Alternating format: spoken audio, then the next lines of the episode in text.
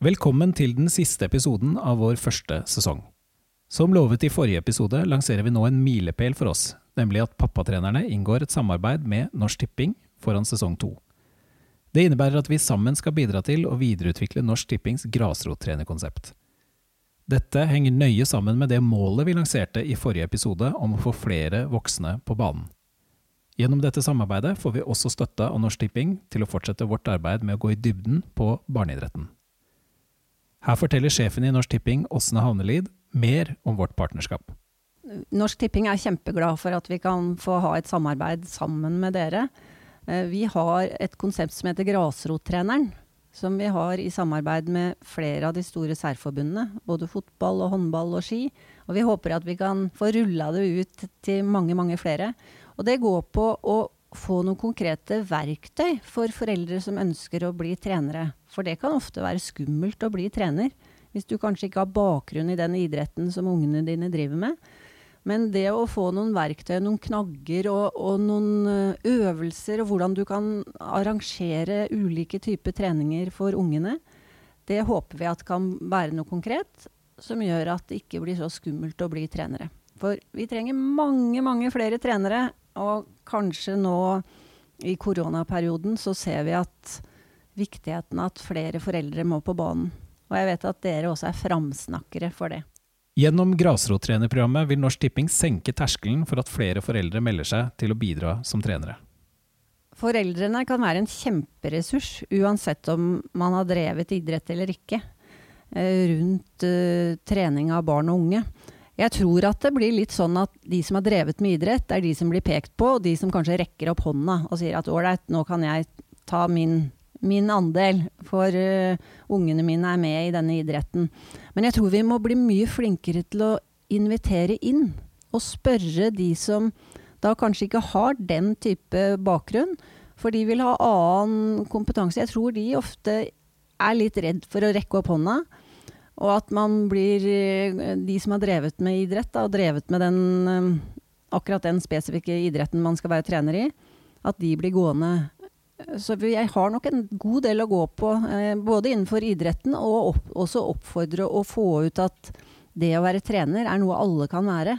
For det er så mange aspekter. Du kan ha et stort team rundt en treningsgruppe eller et lag.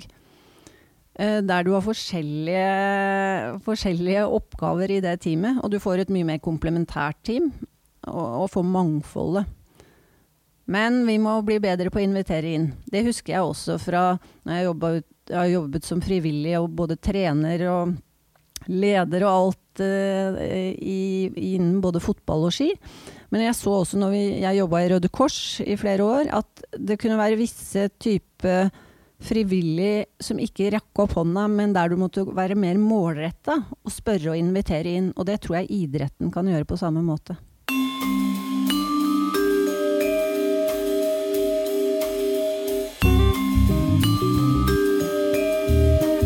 Martin og jeg sitter nå her og gjør en oppsummering av eh, sesong én. Og vi kan begynne med det som vi akkurat eh, hørte, nemlig at vi har fått et uh, samarbeid med Norsk Tipping.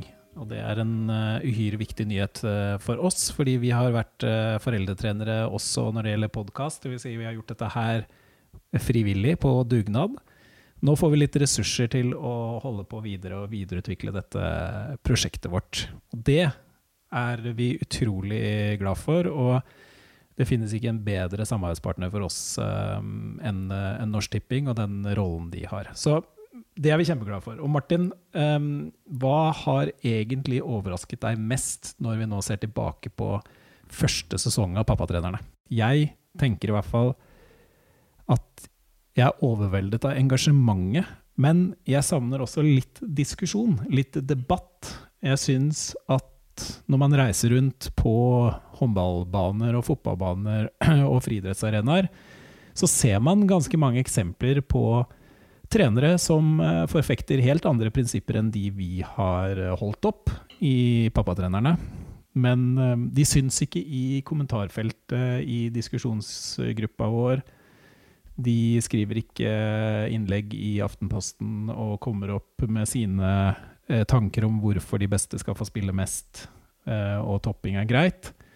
Men det skjer jo likevel hele tiden, så det er grunn til å etterlyse enda litt mer debatt, syns jeg. Og jeg vil i tillegg si at vi har jo ikke svaret. Det er ikke noe fasitsvar vi kommer med. Vi prøver jo å se på ulike sider og vet jo fra egen trenergjerning at vi er slett ikke noen glansbilder oppi dette her. Vi har våre utfordringer og bakser med dilemmaer uh, hele tida sjøl. Hva tenker du? Nei, nå skulle vi jo stått på Ekebergsletta og solgt pølser og vafler og brus til idrettsglade barn og ungdom. Um, jeg husker jeg møtte et uh, foreldrepar fra Tromsø i fjor som hadde tatt seg fri i en hel uke for å se elleveåringen spille fotball. Han fikk spille totalt eh, ti minutter.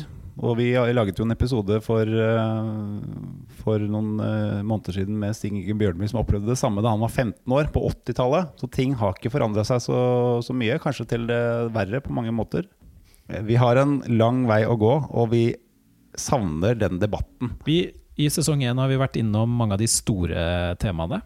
Uh, og da kan det nesten føles noen ganger som vi går litt i ring. I neste sesong kommer vi nok til å gå kanskje litt smalere til verks og se på noen temaer der vi kan gå enda mer i dybden. Um, og der vi kan se på nye sider av idretten som vi ikke har vært uh, innom ennå. Vi kommer til å prøve å få løfta fram noen av de idrettene som vi ikke har snakket så mye om. Eh, det er lett at vi detter ned på fotball, håndball og friidrett og langrenn, eh, de, de, store. Men det finnes mange andre idretter, og noen av de vokser raskt og, og tiltrekker seg mange barn og unge. Og de har en, kanskje en annen kultur enn hva vi er vant til. Cheerleading, f.eks. Så her er det masse spennende å snakke om neste, neste sesong. Ja, en av de tingene vi ikke har snakket om, er f.eks.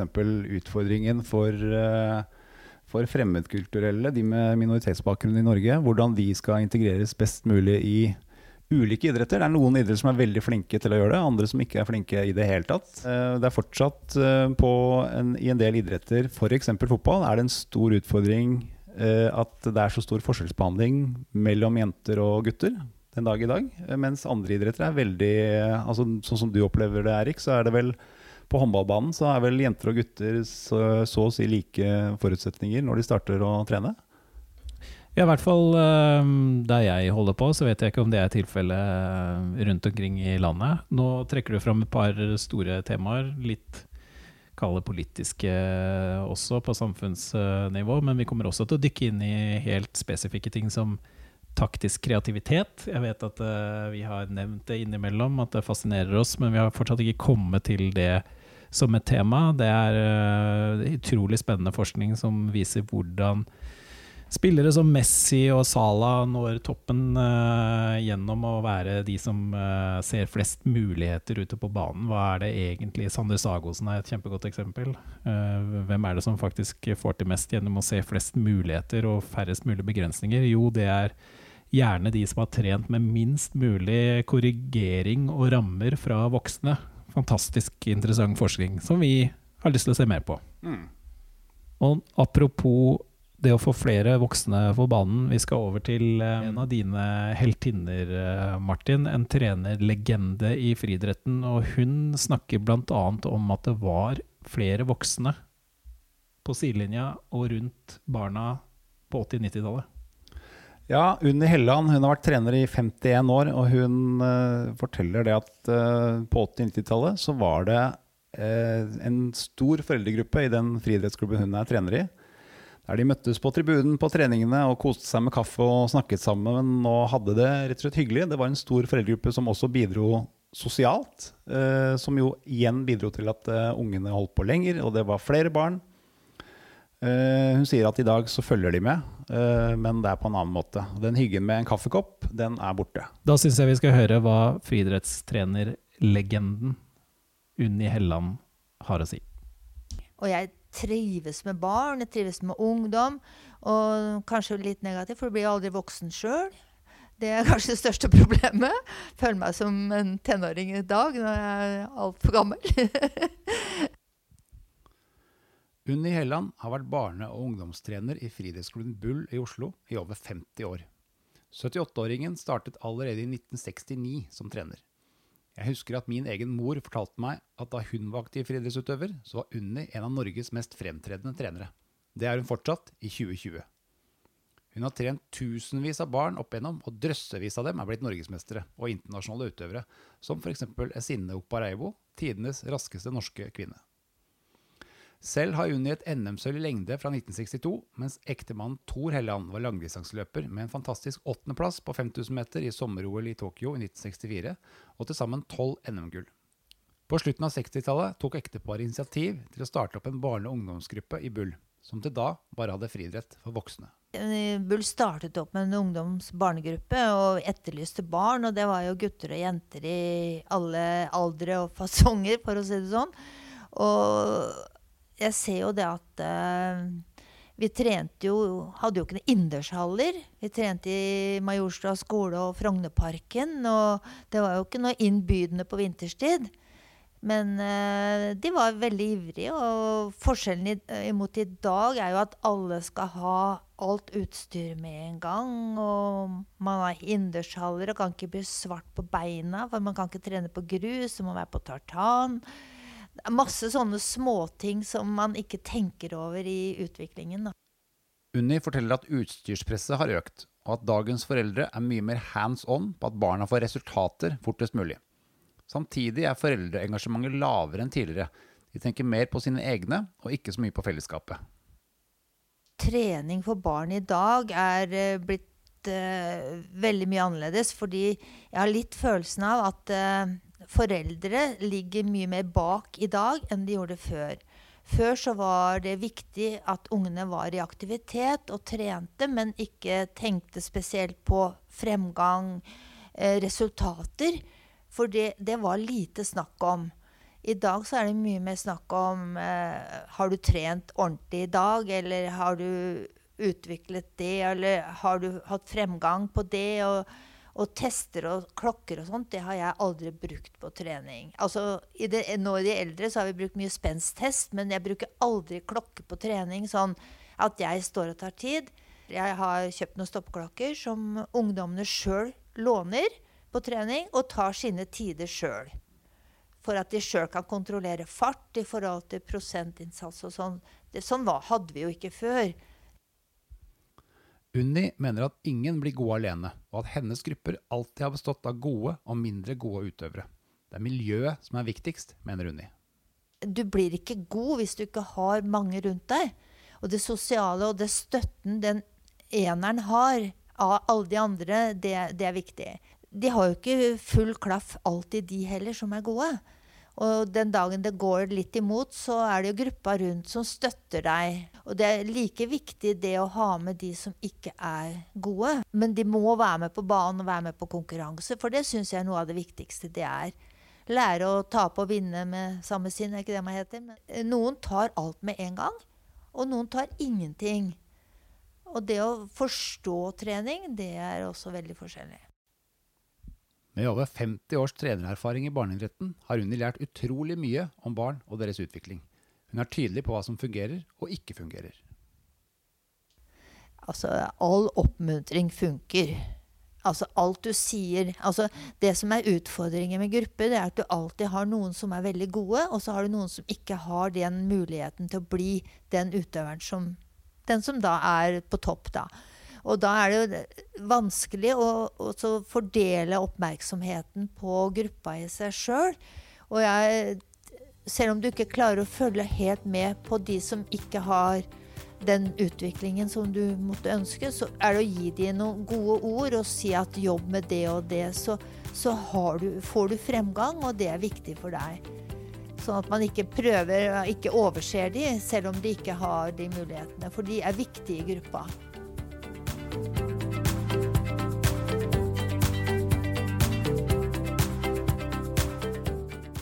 Hei, eh, mitt navn er Hedvig Montgomery. Jeg er psykolog, har skrevet bøkene i Foreldremagi-serien og lever og ånder for at barn skal få lov til å strekke seg, bli seg selv og bli eh, store.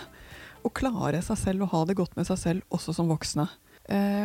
For å trene eller lære bort noe til barn i det hele tatt, så skal du være klar over at læring er egentlig utvikling av hjernen. Dvs. Si at det oppstår nye forbindelser i hjernen. Og barn i 6-13-årsalderen er ekstremt mottagelige for ny læring. De er virkelig, altså det er som et åpent vindu hvor ny kunnskap går inn. De lærer seg lettere i denne alderen enn både før og etterpå.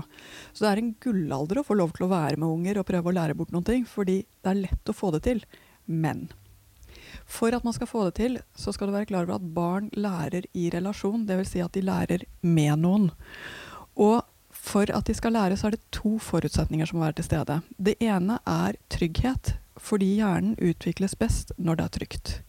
Så det er det første å være klar over. Skal du lære et barn noen ting, så må det kjennes ut som om situasjonen er trygg, som om det er noen de kjenner. Altså de lærer i dette forholdet, dette rommet mellom dere to. Så trygghet er det ene som må være i det rommet. Og det andre er at de lærer seg ved å få lov til å prøve, strekke seg, prøve på nytt igjen, enda en gang. Altså repetisjon og muligheter som ligger bitte lite grann over der de er. Det er det som gjør at du får denne veksten i hjernen, som igjen fører til at de blir så dyktige som de kan bli. Og jeg sier også så dyktige som de kan bli, for vi kan aldri løfte et barn over det som uh, er forutsetningene. Men forutsetningene ligger ofte høyere enn det vi tror. Montgomery mener at følelsene ofte kommer i veien for barns læring på idrettsarenaen.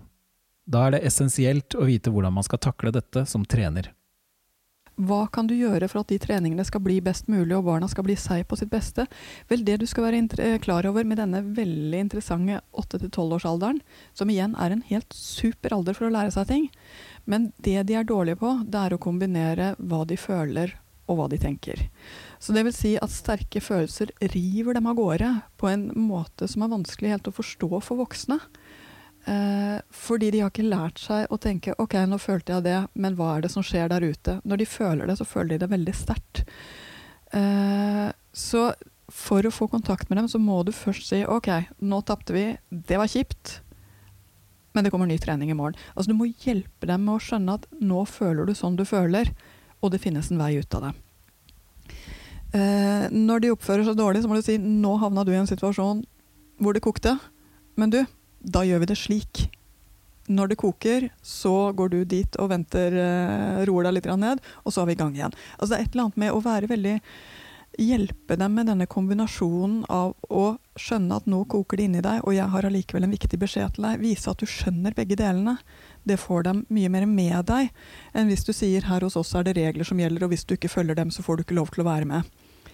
Uh, så det er altså å være en god instruktør i denne aldersgruppen handler om å skjønne at du står og er en bro mellom inni dem og utenfor dem. Eh, etter hvert kommer de til å klare å være denne broen selv, men de lærer seg den ved å se en voksen som gjør det for dem eh, ganske lenge. lengre enn det vi tror, faktisk. Så eh, hva kan vi forvente? Vi kan i hvert fall gjøre vårt for at vi skal se hvor ungene befinner seg, og hvordan vi skal få dem inn til dette fellesprosjektet. Det er det vi kan forvente av oss selv. Gjør vi det med oss, så vil vi også klare å få ungene med oss. Psykologen ser klare fordeler med at norsk barne- og ungdomsidrett har mange mamma- og pappatrenere, og at profesjonalisering av barneidretten kan være en stor utfordring. Samtidig er det ikke bare barna som drar nytte av foreldretrenere. Du som foreldretrener har også en gevinst av jobben du gjør. Fordelen med å være forelder er at du så åpenbart er med barna. Uh, og fordelen med å være foreldretrener er at du legger inn lyst. Dette er noe du gjør fordi du vil. Og undervurder aldri 'dette er gøy'-elementet uh, for barn. Noe av det som er problemet med så mye organisert tid som det barna har i dag, er ikke nødvendigvis at de gjør så mye organisert, men at de alltid er en arbeidsoppgave. Og det å alltid være en arbeidsoppgave, det er en ganske krevende øvelse for et barn.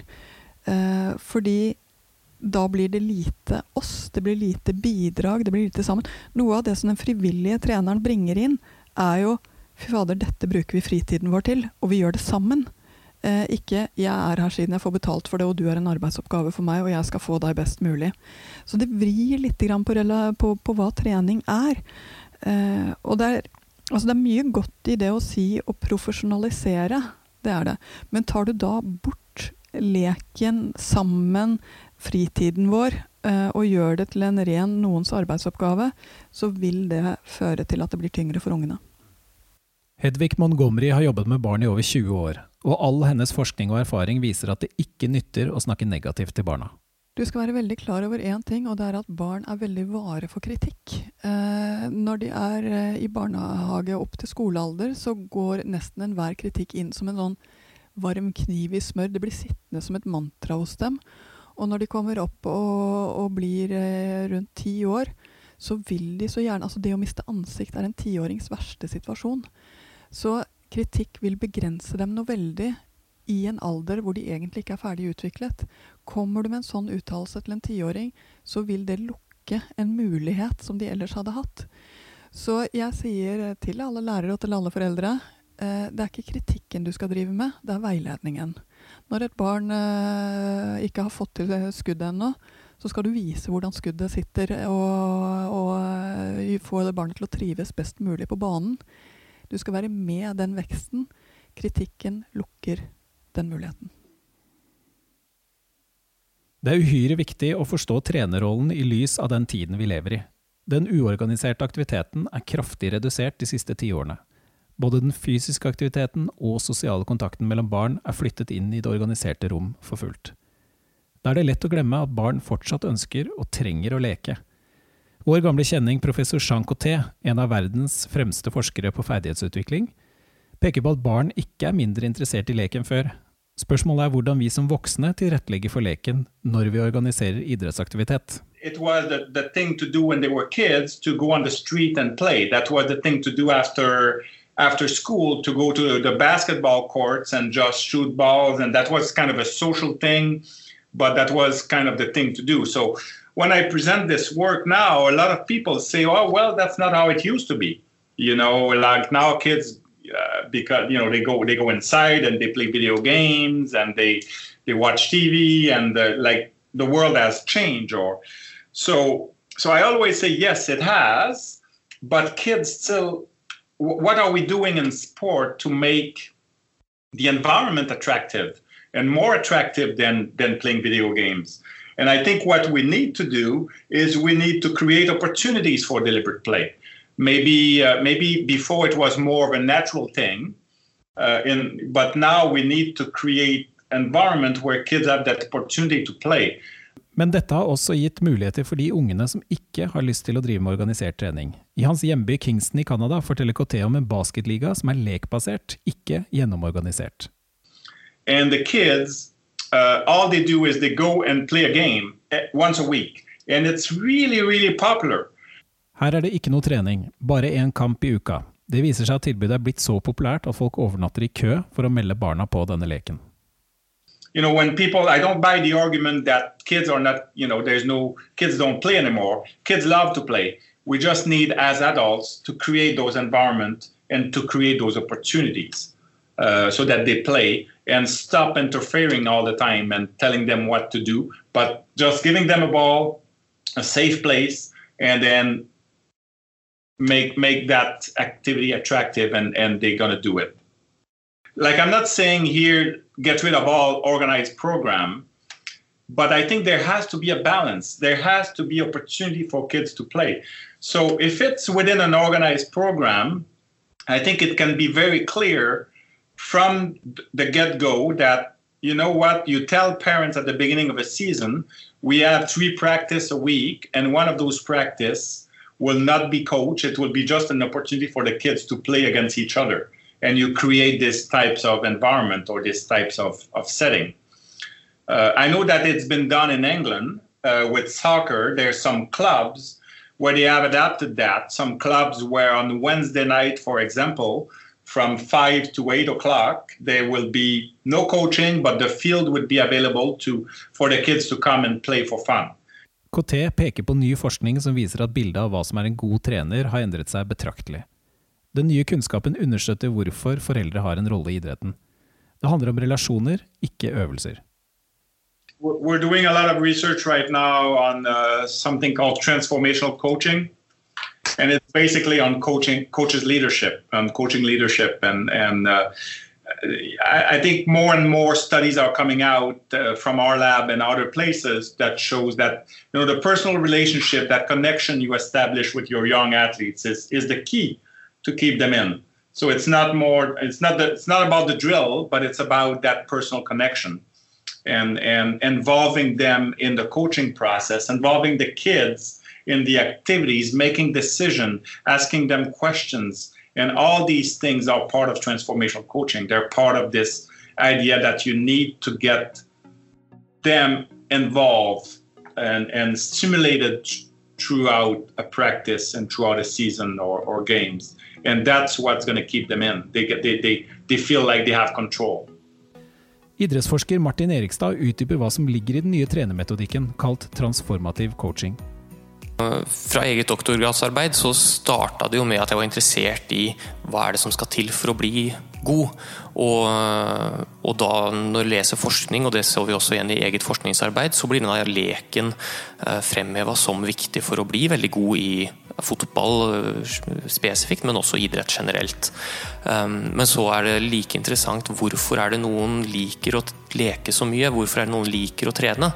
Og at man da, så er det en trend litt nå at man, man flytter fokuset litt vekk fra individet, men også ser på miljøet rundt. Hva er det som miljøet kan gjøre som trenere og, og andre for å få folk til å trives med dette her. Uh, og ser vi på trenerrollen da, så er det mye forskning nå som ser på hva slags lederegenskaper er det denne treneren har. Altså at Den profesjonelle kunnskapen er viktig. Du bør ha litt peil på den idretten du er trener i. Men også de relasjonelle tingene eh, ser ut til å være veldig viktig. Sånn at eh, når vi ser i det store bildet, så, så kan man kategorisere trenere i litt kan du si, ulike bokser. Du har de som er autoritære og, og, strenge, men det ser ikke ut til at det egentlig har noe positiv effekt på, på utøverne. Uh, så har du en mye brukt trenerform som er en sånn transaksjonsledelse, som man kaller det. Hvor man balanserer Altså du straffer negativ atferd uh, og belønner positiv atferd. Mens det som ser ut til å være den mest hensiktsmessige trenerstilen, er det man kaller transformasjonsledelse. Det er en lederstil som, som inspirerer fremfor å uh, ja, uh, være autoritær og, og, kjefte. Sånn at det man uh, sier at det kjennetegnes ved fire i-er. Og, og, den første i-en det er individuell omtanke. Og at vi som trenere ikke bare ser på barna eller utøverne våre som utøvere, men at eh, vi også bryr oss om livet utafor idretten. F.eks. Eh, temaer som eh, opptar de f.eks. på skolen eller i hjemmet. Nummer to at det er idealisert innflytelse, som vil si at vi som trenere går foran som en slags rollemodell.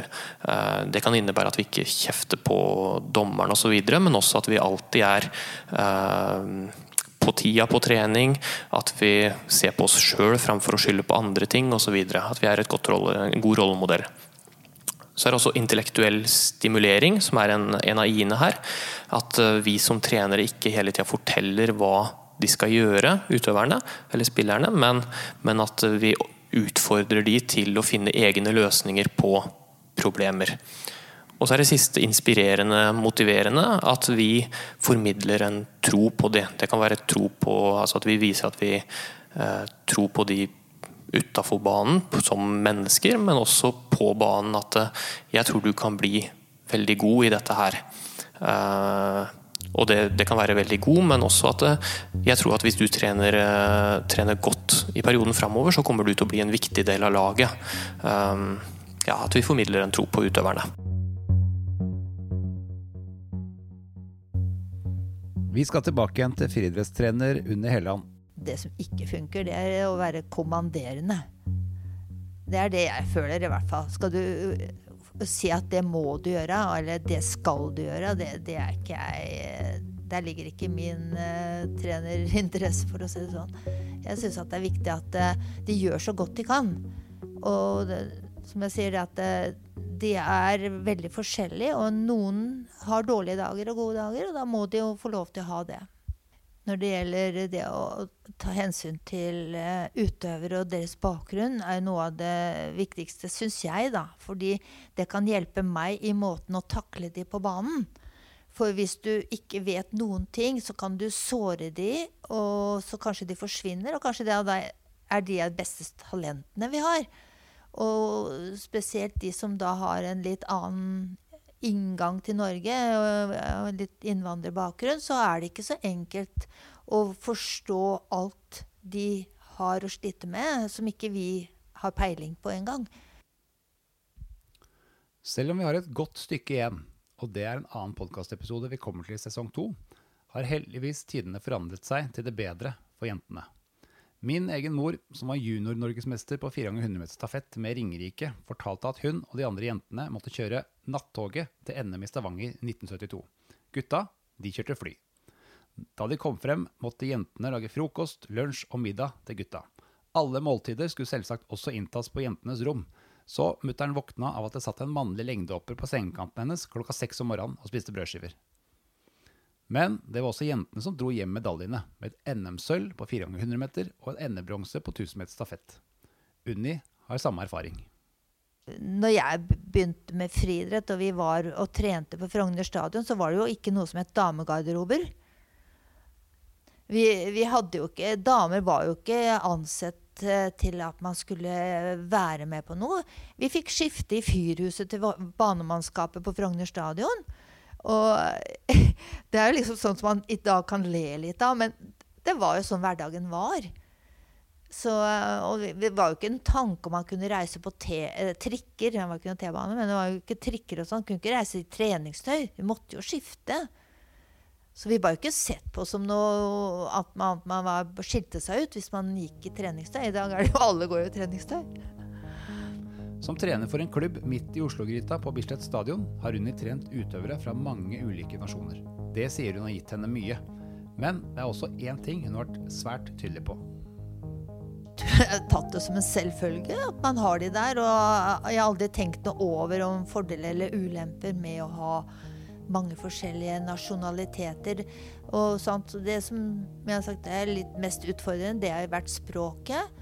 Og der har jeg vært ganske bestemt at vi skal prøve å snakke norsk på trening.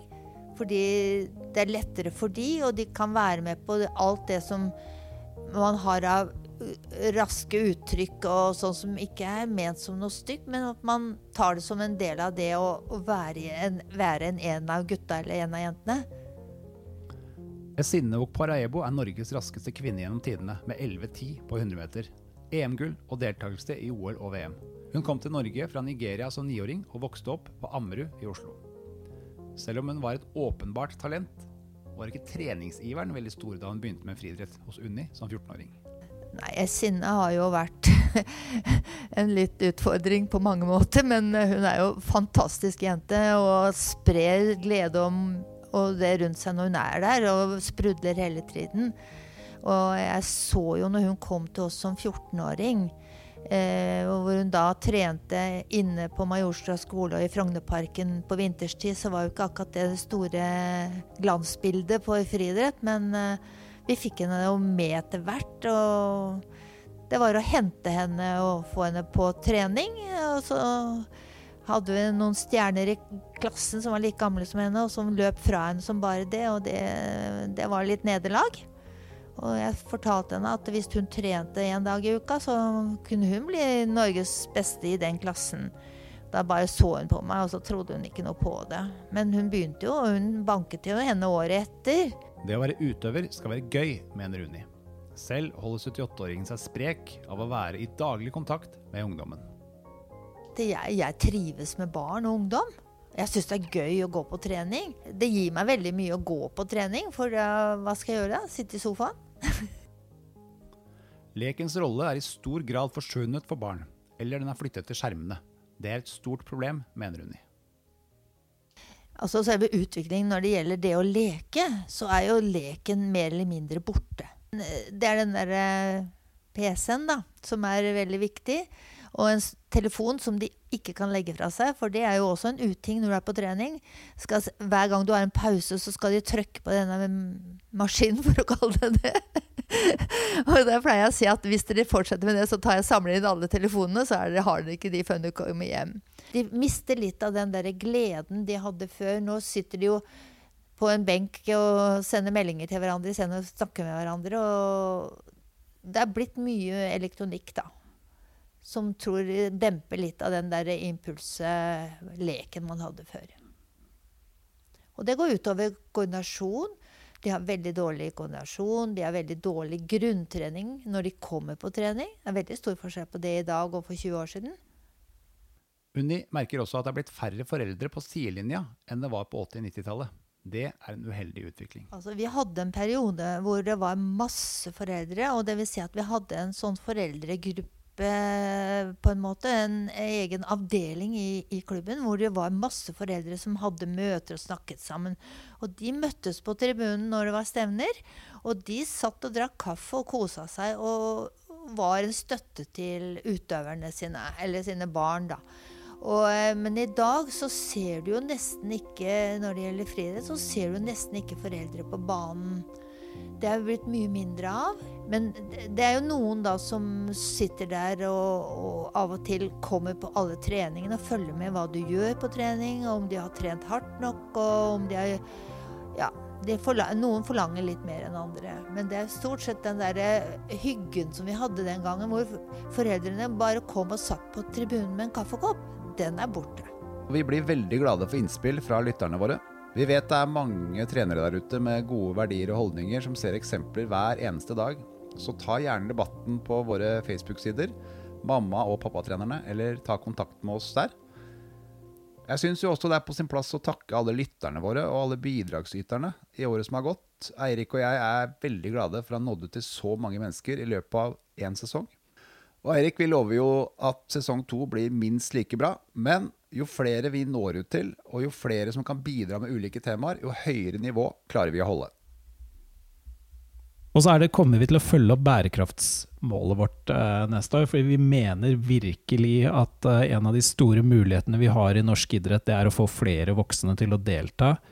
Og vi skal jaggu ta vår egen uh, medisin her. Uh, Martin, du har allerede begynt. Jeg har absolutt en ambisjon om å komme veldig sterkt i gang utover uh, neste sesong med å få flere foreldre ut på banen. Én av tre helst. Altså én av tre foreldre eller andre voksne tilknyttet barn vil vi ha med. Og det tror vi er utrolig viktig.